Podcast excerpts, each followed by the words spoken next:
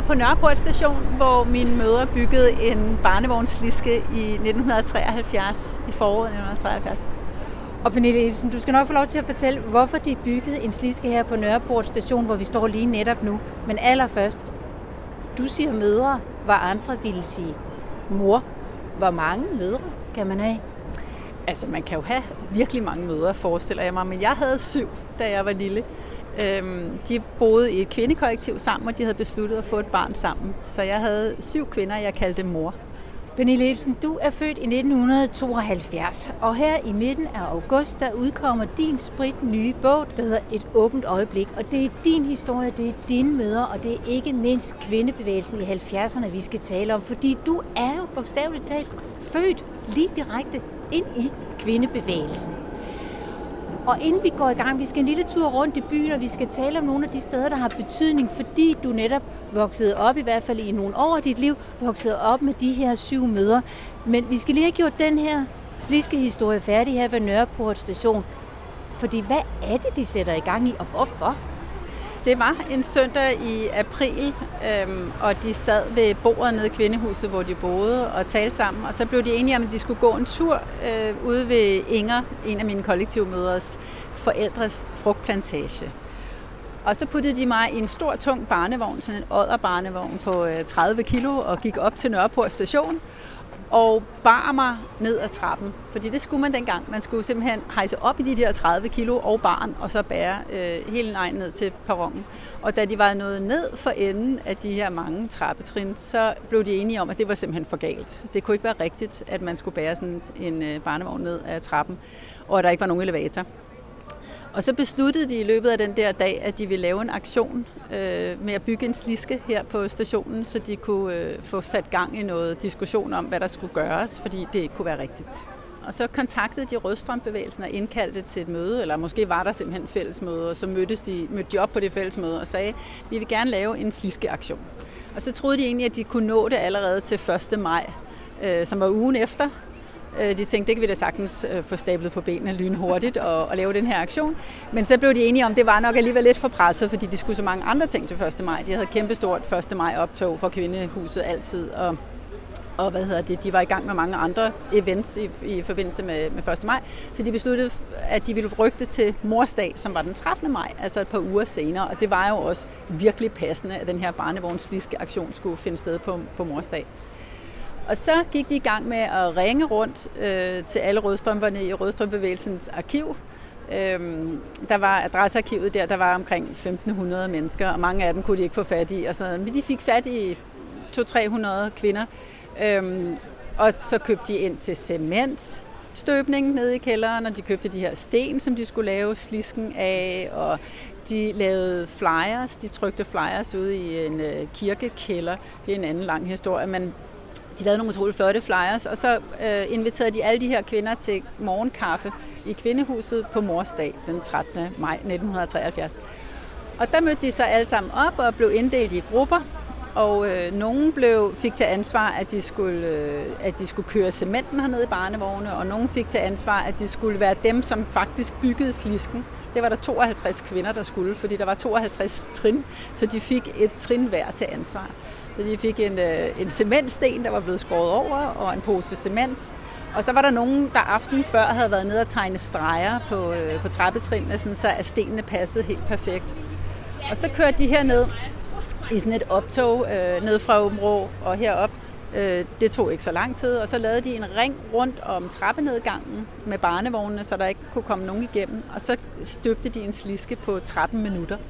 Jeg har tit tænkt, hvem stod der med stopuret? Det var der jo nok ikke nogen, der gjorde, men de bliver ved med at sige, at det var 13 minutter præcis, det tog. At støbe den her sliske, og så, øh, så fejrede de det. Og det er, hvad der sker, eller det er, hvad der skete, da aktive kvinder der i begyndelsen af 70'erne tog fat på at ændre hverdagen, og for så vidt også langt større ting end det. Bare lige for at få bragt en ende på den her sliske historie. Det her, det var jo ikke ligefrem noget, DSB havde et ønske om. Øh, at der skulle være en sliske på den her trappe. Fik den lov til at blive der? Hvad skete der? Altså der skete det i første omgang, at politiet ankom til pladsen og, øh, og var blevet sendt ud for at skulle stoppe dem. Men politiet, de var simpelthen så meget på Rødstrømbevægelsens, på, på Rødstrømbevægelsens side, at de øh, ikke gjorde noget. Der var især en, de fortæller især en historie om en, øh, en, en politikommissær, som ankom, som med det samme erklærede, at det kunne han godt forstå. Han synes det var en rigtig god idé, at Rødstrømmerne havde bygget den der sliske, for han synes også, det var for dårligt. Han havde otte børnebørn, som øh, han også havde set blive slæbt, og selv havde slæbt op og ned af de der trapper, og andre lignende trapper på andre S-togstationer i København. Så han synes, det var, øh, han synes, det var en glimrende plan med den her sliske, og det ville han ikke gøre noget ved. Og da han ligesom havde sagt, det vil jeg ikke gøre noget ved, så gik de andre politibetjente også ret hurtigt derfra. Øhm, og så fik slisken lov til at være der, men den var jo frygtelig farlig, altså fordi den var Øhm, den, var, den havde ikke noget hånd, øh, hvad hedder det, gelænder at holde fast i af nogen art. Den var temmelig stejl og sådan. Så den skulle selvfølgelig ikke blive ved med at være der. Det havde de heller ikke forestillet sig, at den skulle. Men DSB blev ligesom tvunget til, dels af pressen, som også var utrolig positivt stemt. Altså Ekstrabladet og BT havde det på forsiderne næste dag, og, og var kun på rødstrømpernes side, og synes, det var øh, så flot gjort. Ikke? Øh, og de tvang ligesom direktøren for DSB til at udtale sig øh, ret hurtigt om sagen, og han blev nødt til at sige, at han godt kunne se, at det var en, en fejl, at man ikke kunne komme ned til perronen med en barnevogn. Eller hvis man var svagt gående, som jo også var en del af, en del af problemet, at man simpelthen ikke kunne komme ned til perronen, hvis man ikke kunne gå. Så han erklærede meget hurtigt, at, at de skulle have bygget en elevator. Så lykkedes det Rødstrømbevægelsen at lægge pres nok på, øh, på dem til, at det så også skete rimelig hurtigt fordi de kunne jo godt have hævet land, eller det kunne have taget lang tid, men det, der to, det tog ikke så lang tid, før der kom øh, elevator på, øh, på Nørreport station. Så takket være dig, Pernille, dine mange mødre og ikke mindst en masse aktivistiske rødstrømper, så blev forholdene her på stationen bedre, hvis man enten netop var dårligt gående eller, eller havde en barnevogn med sig. Det her det er jo et nedslag, som du folder ud i din bog om dine møder og din opvækst der i, i begyndelsen af 70'erne. Men bogen begynder ikke her. Den begynder et helt andet sted nemlig på Femølejren. Kan du ikke forklare, hvad er Femølejren for en størrelse, som bringer de her kvinder, der bliver dine møder, sammen? Femølejren fandt sted første gang i 1971. Rødstrømbevægelsen startede året før. Øhm, og i det år, der gik for Rødstrømbevægelsen, startede med strøgeaktionen den 8. april 1970, og til Femølejren øhm, første gang finder sted, der er rødstrømpebevægelsen et ret teoretisk, en ret teoretisk øh, politisk bevægelse, kan man sige. Den er spredt, øh, og den er meget tænkt på den måde, at den har en masse gode idéer og laver en masse mindre aktiviteter, men der er ikke rigtig noget samling på det, og der er ikke rigtig noget, øh, hvad skal man sige, der er ikke noget fællesskab, som er solidt omkring det. Øhm, og i foråret 1971, der er der så nogle rødstrømper, der der finder på, at man skal lave en kulturel institution. Altså man skal lave nogle, en kulturel aktivitet, der kan, der kan binde kvinder sammen. Og det skal ikke kun være rødstrømper, det skal være alle kvinder som har brug for at komme ud af den isolation, som de mener det er. De sidder der i hver deres ægteskab med deres børn og, øhm, og på hver deres arbejdsplads og ikke taler sammen og ikke er sammen og ikke har noget sted, de kan mødes. Og på det tidspunkt, der var det meget almindeligt med, eller det var blevet lynhurtigt meget populært med ølejre. Ølejrene startede også i 1970, øhm, og allerede året efter, der udbyder Kulturministeriet mange, mange flere øer til ølejre, fordi det er så populært allerede i 70, at der kommer folk ud til øerne. Og så er der nogle rødstrømmer, der finder på, at, at det er en god idé at, at lave en kvindelejr på en ø, som en ølejr, fordi de så kan få støtte af Kulturministeriet, og de kan få lov at låne de her store militærtelte, og de kan få sådan hele infrastrukturen til at, at lave en, en kvindelejr. Og det gør de så i 1971, og den første Femølejr 1971 er et kæmpe hit. Totalt kaotisk fyldt med mennesker og, øh, og ikke særlig øh, velplanlagt, fordi de ikke har fået gennemtænkt, at man for eksempel skal dele ugerne op, sådan, så der ikke bare kommer mennesker hver dag, og der, så der ankommer nye mennesker til lejren to gange om dagen, og de kommer alle mulige steder fra. De kommer sejlende, de kommer fra andre steder på Femø, og vælter simpelthen ind. Det er så populært. Øh, men midt i det der kæmpe kaos, som var den første Femø-lejr, der øh, oplevede alle mine syv mødre en åbenbaring, kan man kalde det. Altså et stort, stort skred i deres bevidsthed, som gjorde, at de fik eller en sådan følelse af at få kvindepolitikken og oprøret mod patriarkatet og alle de her tanker, de havde haft rent teoretisk ind under kroppen, eller ind i kroppen, ind under huden. Og det betød, at deres liv simpelthen tog en kæmpe, øh, kæmpe drejning. Og de mødtes ikke altså på den første femølejr. Tre af mine mødre var med til at arrangere den første femølejr, havde været med aktiv i Rødstrømbevægelsen længe før femølejren.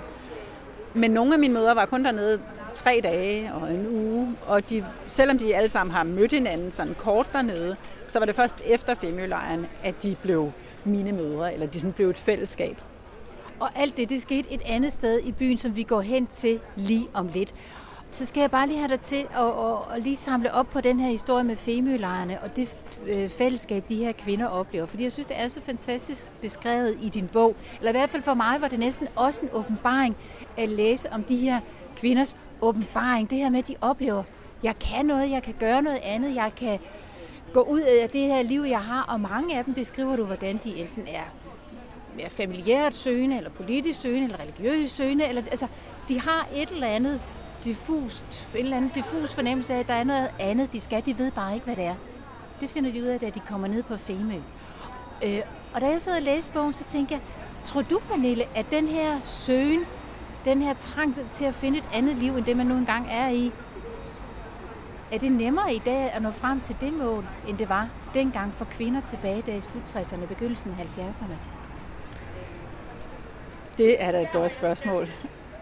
Jeg tror umiddelbart, at øhm, mulighederne for at finde kvindefællesskaber, der er meningsfyldte, er langt, langt, langt større for os i vores generation og, for, og i de generationer, som er kommet efter, eller de, mænd, de kvinder, der er født efter. Øhm, muligvis også for mange mænd, men især for kvinder var det næsten umuligt i 50'erne og i 60'erne at finde meningsfulde øhm, fællesskaber, der primært var for kvinder, eller hvor kvinder kunne udtale sig og kunne folde sig ordentligt ud og være aktivt deltagende i beslutningsprocesser og selv være med til at bestemme, hvad der skulle foregå. Fordi at kvinder øh, var isoleret i, de, i deres forskellige familier, og fordi de ikke havde øh, et aktivt fællesskab på universiteterne, hvor de var i mindretal, og hvor de ikke kunne, øh, hvor de ikke kunne tale så højt og så længe, som mændene kunne. Og på arbejdspladserne var de også tit øh, isoleret i deres forskellige kvindefunktioner, eller hvad man skal sige. Arbejdsmarkedet var, var meget øh, kvindeopdelt, eller meget kønsopdelt dengang. Og, og kvinder var bare ikke sammen på samme måde, som vi er i dag, og var heller ikke vant til at se hinanden som potentielle øh, meningsudvekslere eller eller kammerater, eller, eller tætte, tætte venskaber. De var meget øh, opdraget til at, at rette deres opmærksomhed mod mænd.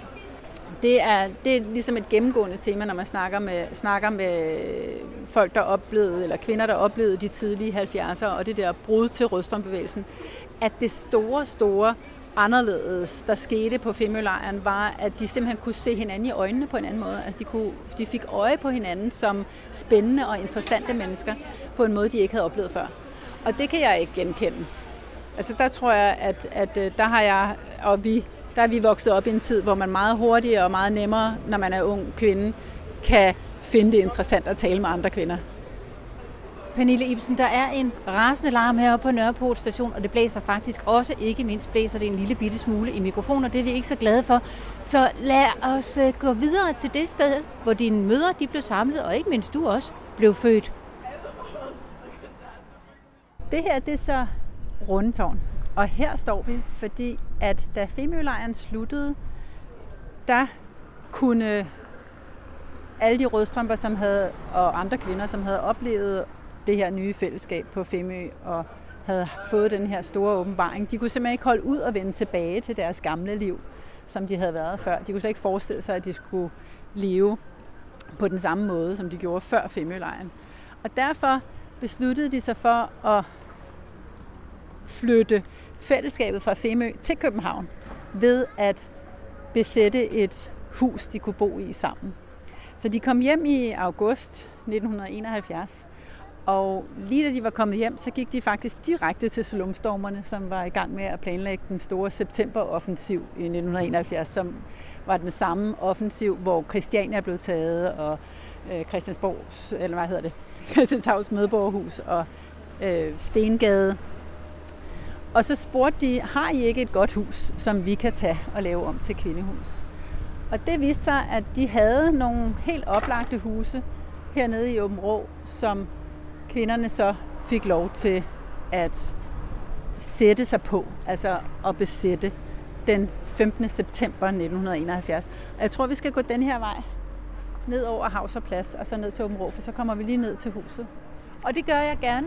Følges med dig, Pernille, men du er nødt til at fortælle, Rundetårn, som vi lige er ved at lægge bag os, hvilken rolle spiller det så? Og ja, det glemte jeg jo at sige. De mødtes ved Rundetårn kl. 12 den 15. september 1971, fordi så kunne de gå i samlet trop ned mod Åbenrå, altså huset Åbenrå, som de skulle besætte. Og hvorfor det lige var Rundetårn, det ved jeg faktisk ikke. Men det var sikkert noget med, at det var let at finde. Og så kunne man ligesom stå der, der var sådan 30 omkring 30 kvinder, som mødtes der ved Rundetårn med deres gulvspande og deres øh, gulvsgrupper og kaffekanner og andre vigtige ting, som de skulle bruge til at tage med ned til det, det hus, de skulle besætte. Og det, nu skal vi lige forbi noget vejarbejde.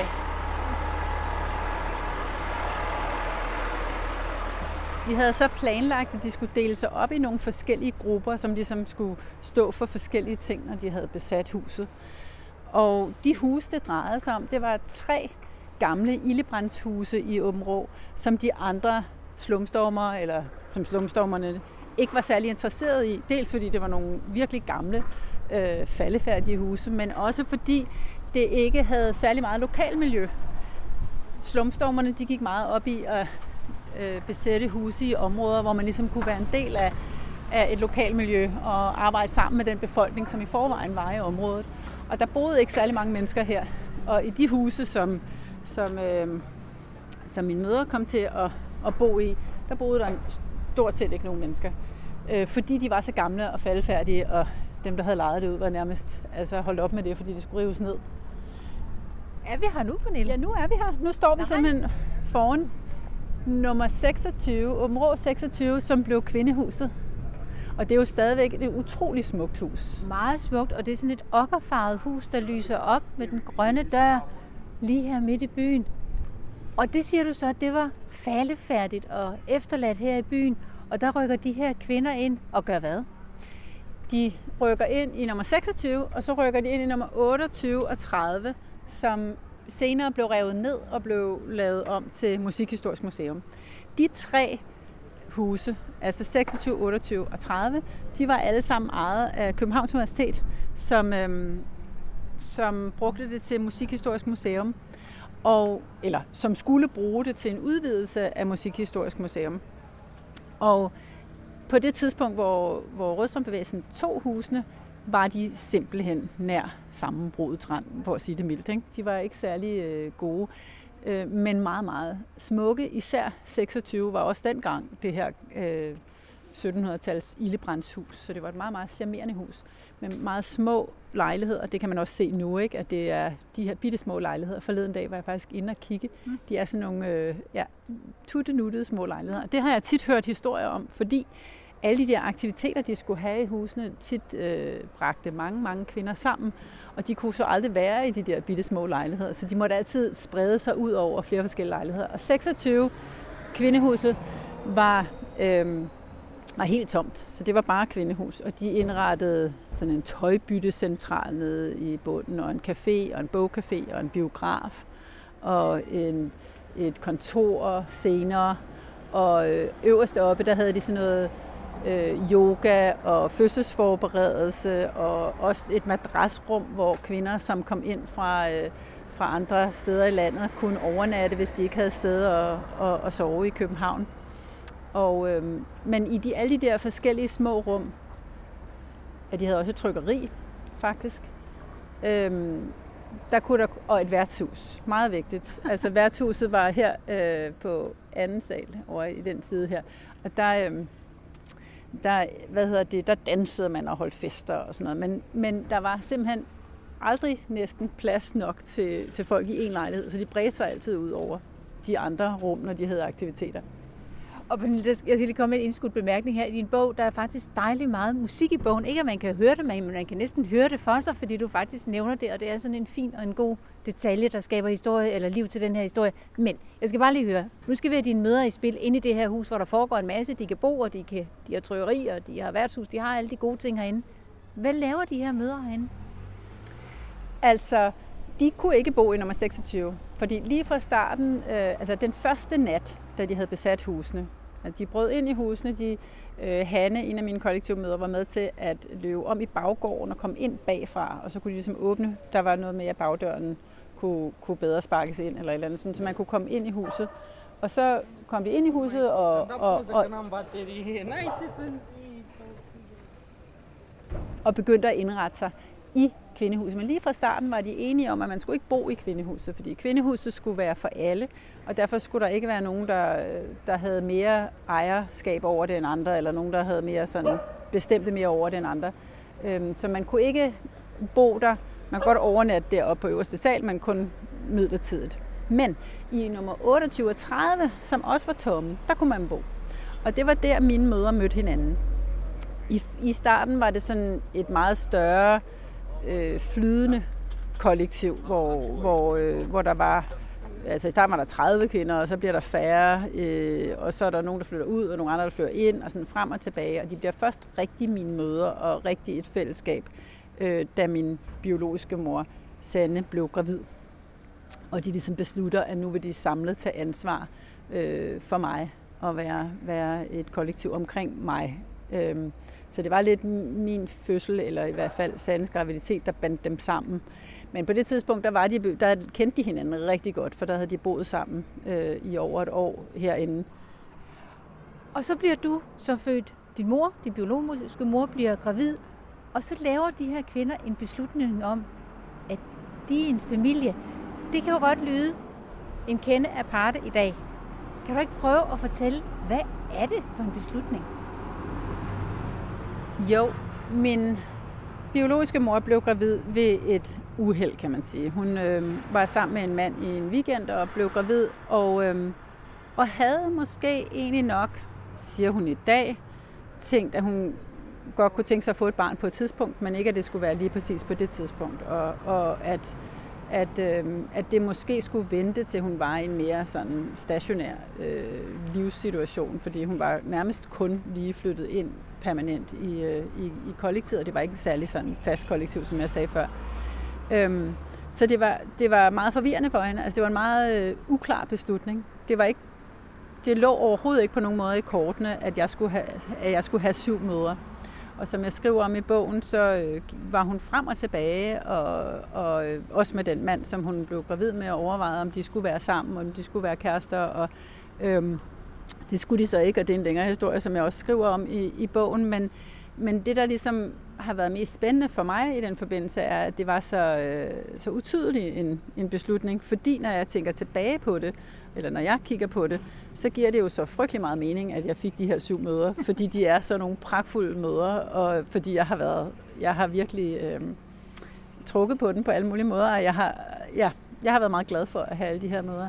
Men sådan, så logisk og så nemt var, var det ikke at se, at det gav mening, da min mor var gravid. Fordi der var jo ikke nogen andre, der havde øh, fået et barn sammen i deres kreds. Der var jo kollektiver. Der var masser, som boede i kollektiver, og der var også ma- mange børn i kollektiver. Øhm, men mange af de børn kom ind i kollektiverne, altså var født før kollektiverne, og var ikke nødvendigvis en fælles beslutning på den måde, min mor ligesom besluttede at få mig. Og de besluttede at få mig på den måde, at min mor blev gravid, og mens hun så skulle tage beslutningen om, hvorvidt hun skulle få et barn eller ej, så øh, meldte de sig og sagde, vi vil rigtig gerne være med til at have et barn. Vi, vi, tror, vi tror på, at du kan have et barn i kollektivet, og vi vil gerne hjælpe dig med det her barn. Øhm, og så besluttede min mor, at, at det kunne hun godt forestille sig. Der var to af mine mødre, som, øhm, som med det samme sagde, at de ville gerne være mere på, og så var der nogen, som, som, som var virkelig interesseret i det også øh, fra starten, og så var der nogen, der var mindre interesseret i det, fordi de enten var yngre, eller de havde for travlt med noget andet eller noget. Og de udviklede sig alle sammen ligesom i forhold til mig, da jeg så blev født og fik forskellige forhold til mig. Men min mor var ikke i tvivl om, at der skulle nok være kræfter nok ud af de her syv mennesker, hun boede sammen med, som, øh, som kunne hjælpe hende. Pernille, nu tror jeg lige, vi bliver nødt til at gå lidt ind i lag, for ikke bare blæser det her. Det regner også ret meget. Lad os lige gå ind i den her port, der er her. Pernille, vi kommer altså fra det her med, at Din mor beslutter sig for, at der godt kan være flere om at tage det her møderskab for dig, som jo altså så bliver født der i 1972. Hvad er det for et liv? Nu ved jeg jo godt, du ikke kan huske det, men når dine møder fortæller, hvad er det for et liv, I har her i Humor? Jamen, det er en fortsættelse af det liv, de øh, havde, før jeg blev født på mange måder. Altså, de blev ved med alle de her politiske aktiviteter, og øh, selve driften af kvindehuset kom de, kom de i høj grad til at deltage i og, og stå for. Så altså køre den der bogcafé for eksempel, øh, og at holde de her mandagsmøder, som bliver så populære. De holder en øh, møde hver mandag, hvor der kommer hundredvis af, af kvinder til foredrag og til film og øh, i kvindehuset. Og det er ligesom om, de faktisk nærmest har endnu mere travlt med at være aktivister, efter jeg blev født end før. Og flere af dem har sagt, at, at de fik simpelthen ekstra energi af at blive det her fællesskab øhm, omkring mig, fordi de jo så blev et mere sammentømret kollektiv. Og det gav dem en masse motivation til at sætte alle mulige ting i gang. Og det er jo blandt andet også så der, de laver den der sniske, vi talte om før. At øhm, de får en frygtelig masse idéer, og så fører de det ud i livet på ingen tid. Altså der er slet ikke nogen afstand mellem idé og handling. Og så på et tidspunkt, så beslutter den her gruppe af kvinder og dig som det lille barn, møderne beslutter, at I, I kan ikke længere bo her i gaden Åben Rå. I skal videre. Hvad sker der?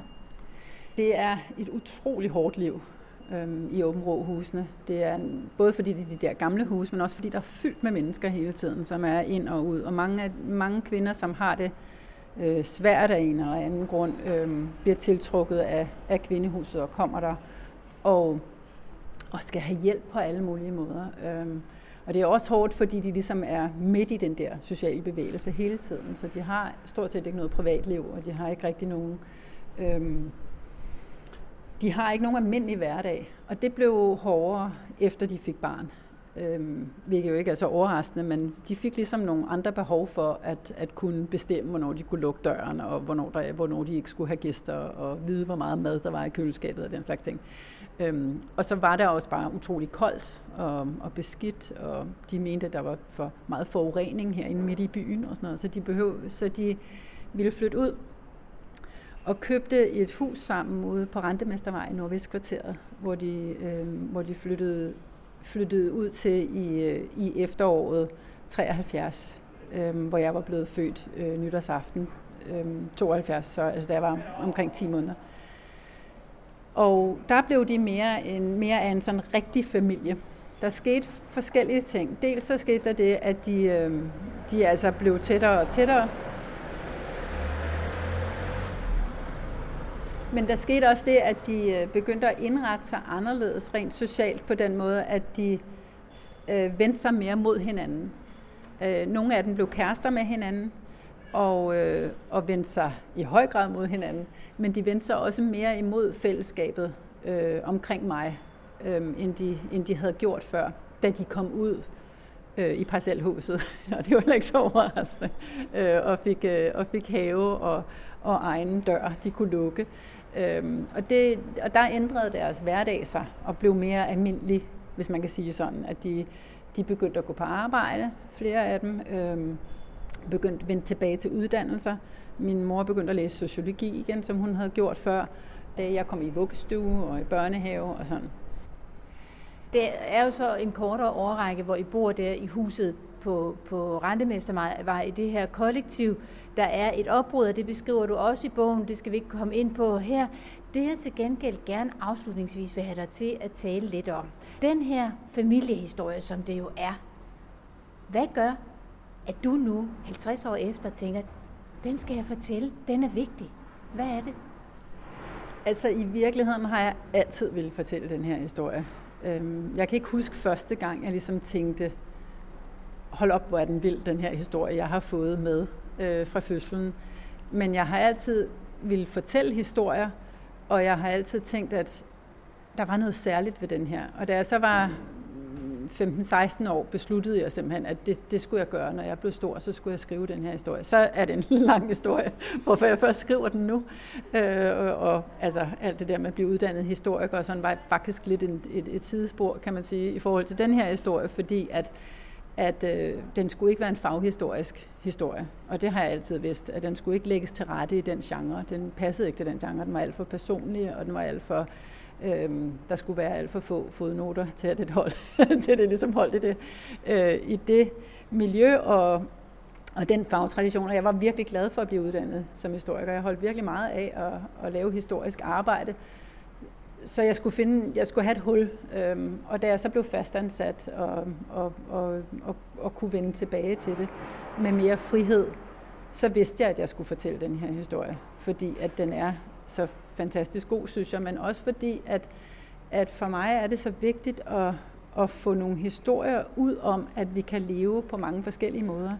Altså, at det er muligt at indrette os på andre måder end den her meget normative øhm, familie tradition, som langt de fleste falder ind i og, og falder for, og som de, mange, af dem, mange er sikkert også lykkelige i dem, men der er også rigtig, rigtig mange mennesker, som har brug for at vide, at, at man kan faktisk gøre tingene forskelligt, øh, og man skal indrette sig sådan, som det passer øh, en i langt højere grad, end man skal forsøge at leve op til de der normer. Og det synes jeg, min historie og mine syv møder, som, øh, som, som var øh, så kærlige og så gode til at blive ved med at være mine mødre, øh, kan bruges til. Derudover så synes jeg, at historien om rødstrømbevægelsen skal fortælles igen og igen. Jeg synes simpelthen, det var den vigtigste sociale bevægelse i Danmarks historien. Øh, og det kunne jeg argumentere længere for, men jeg synes, det er en utrolig, utrolig vigtig historie, og den er ikke fortalt særlig meget eller særlig uddybet, eller fra særligt personlige steder. Vi har nogle faghistoriske beretninger, eller faghistoriske øhm, bøger om rødstrømbevægelsen og om kvindebevægelsen mere bredt, som er smadret gode og vigtige, men jeg synes, der manglede nogle indefra set personlige beretninger om, hvordan man levede den her sociale bevægelse, som vi alle sammen er formet af, og øh, bliver nødt til at tage stilling til i dag. Tusind tak for din fortælling, og bogen den udkommer her den 13. august. Og tak til dig, der har lyttet med. Mit navn er Dorte Chakravarti. Jeg håber, du har lyst til at være med en anden gang.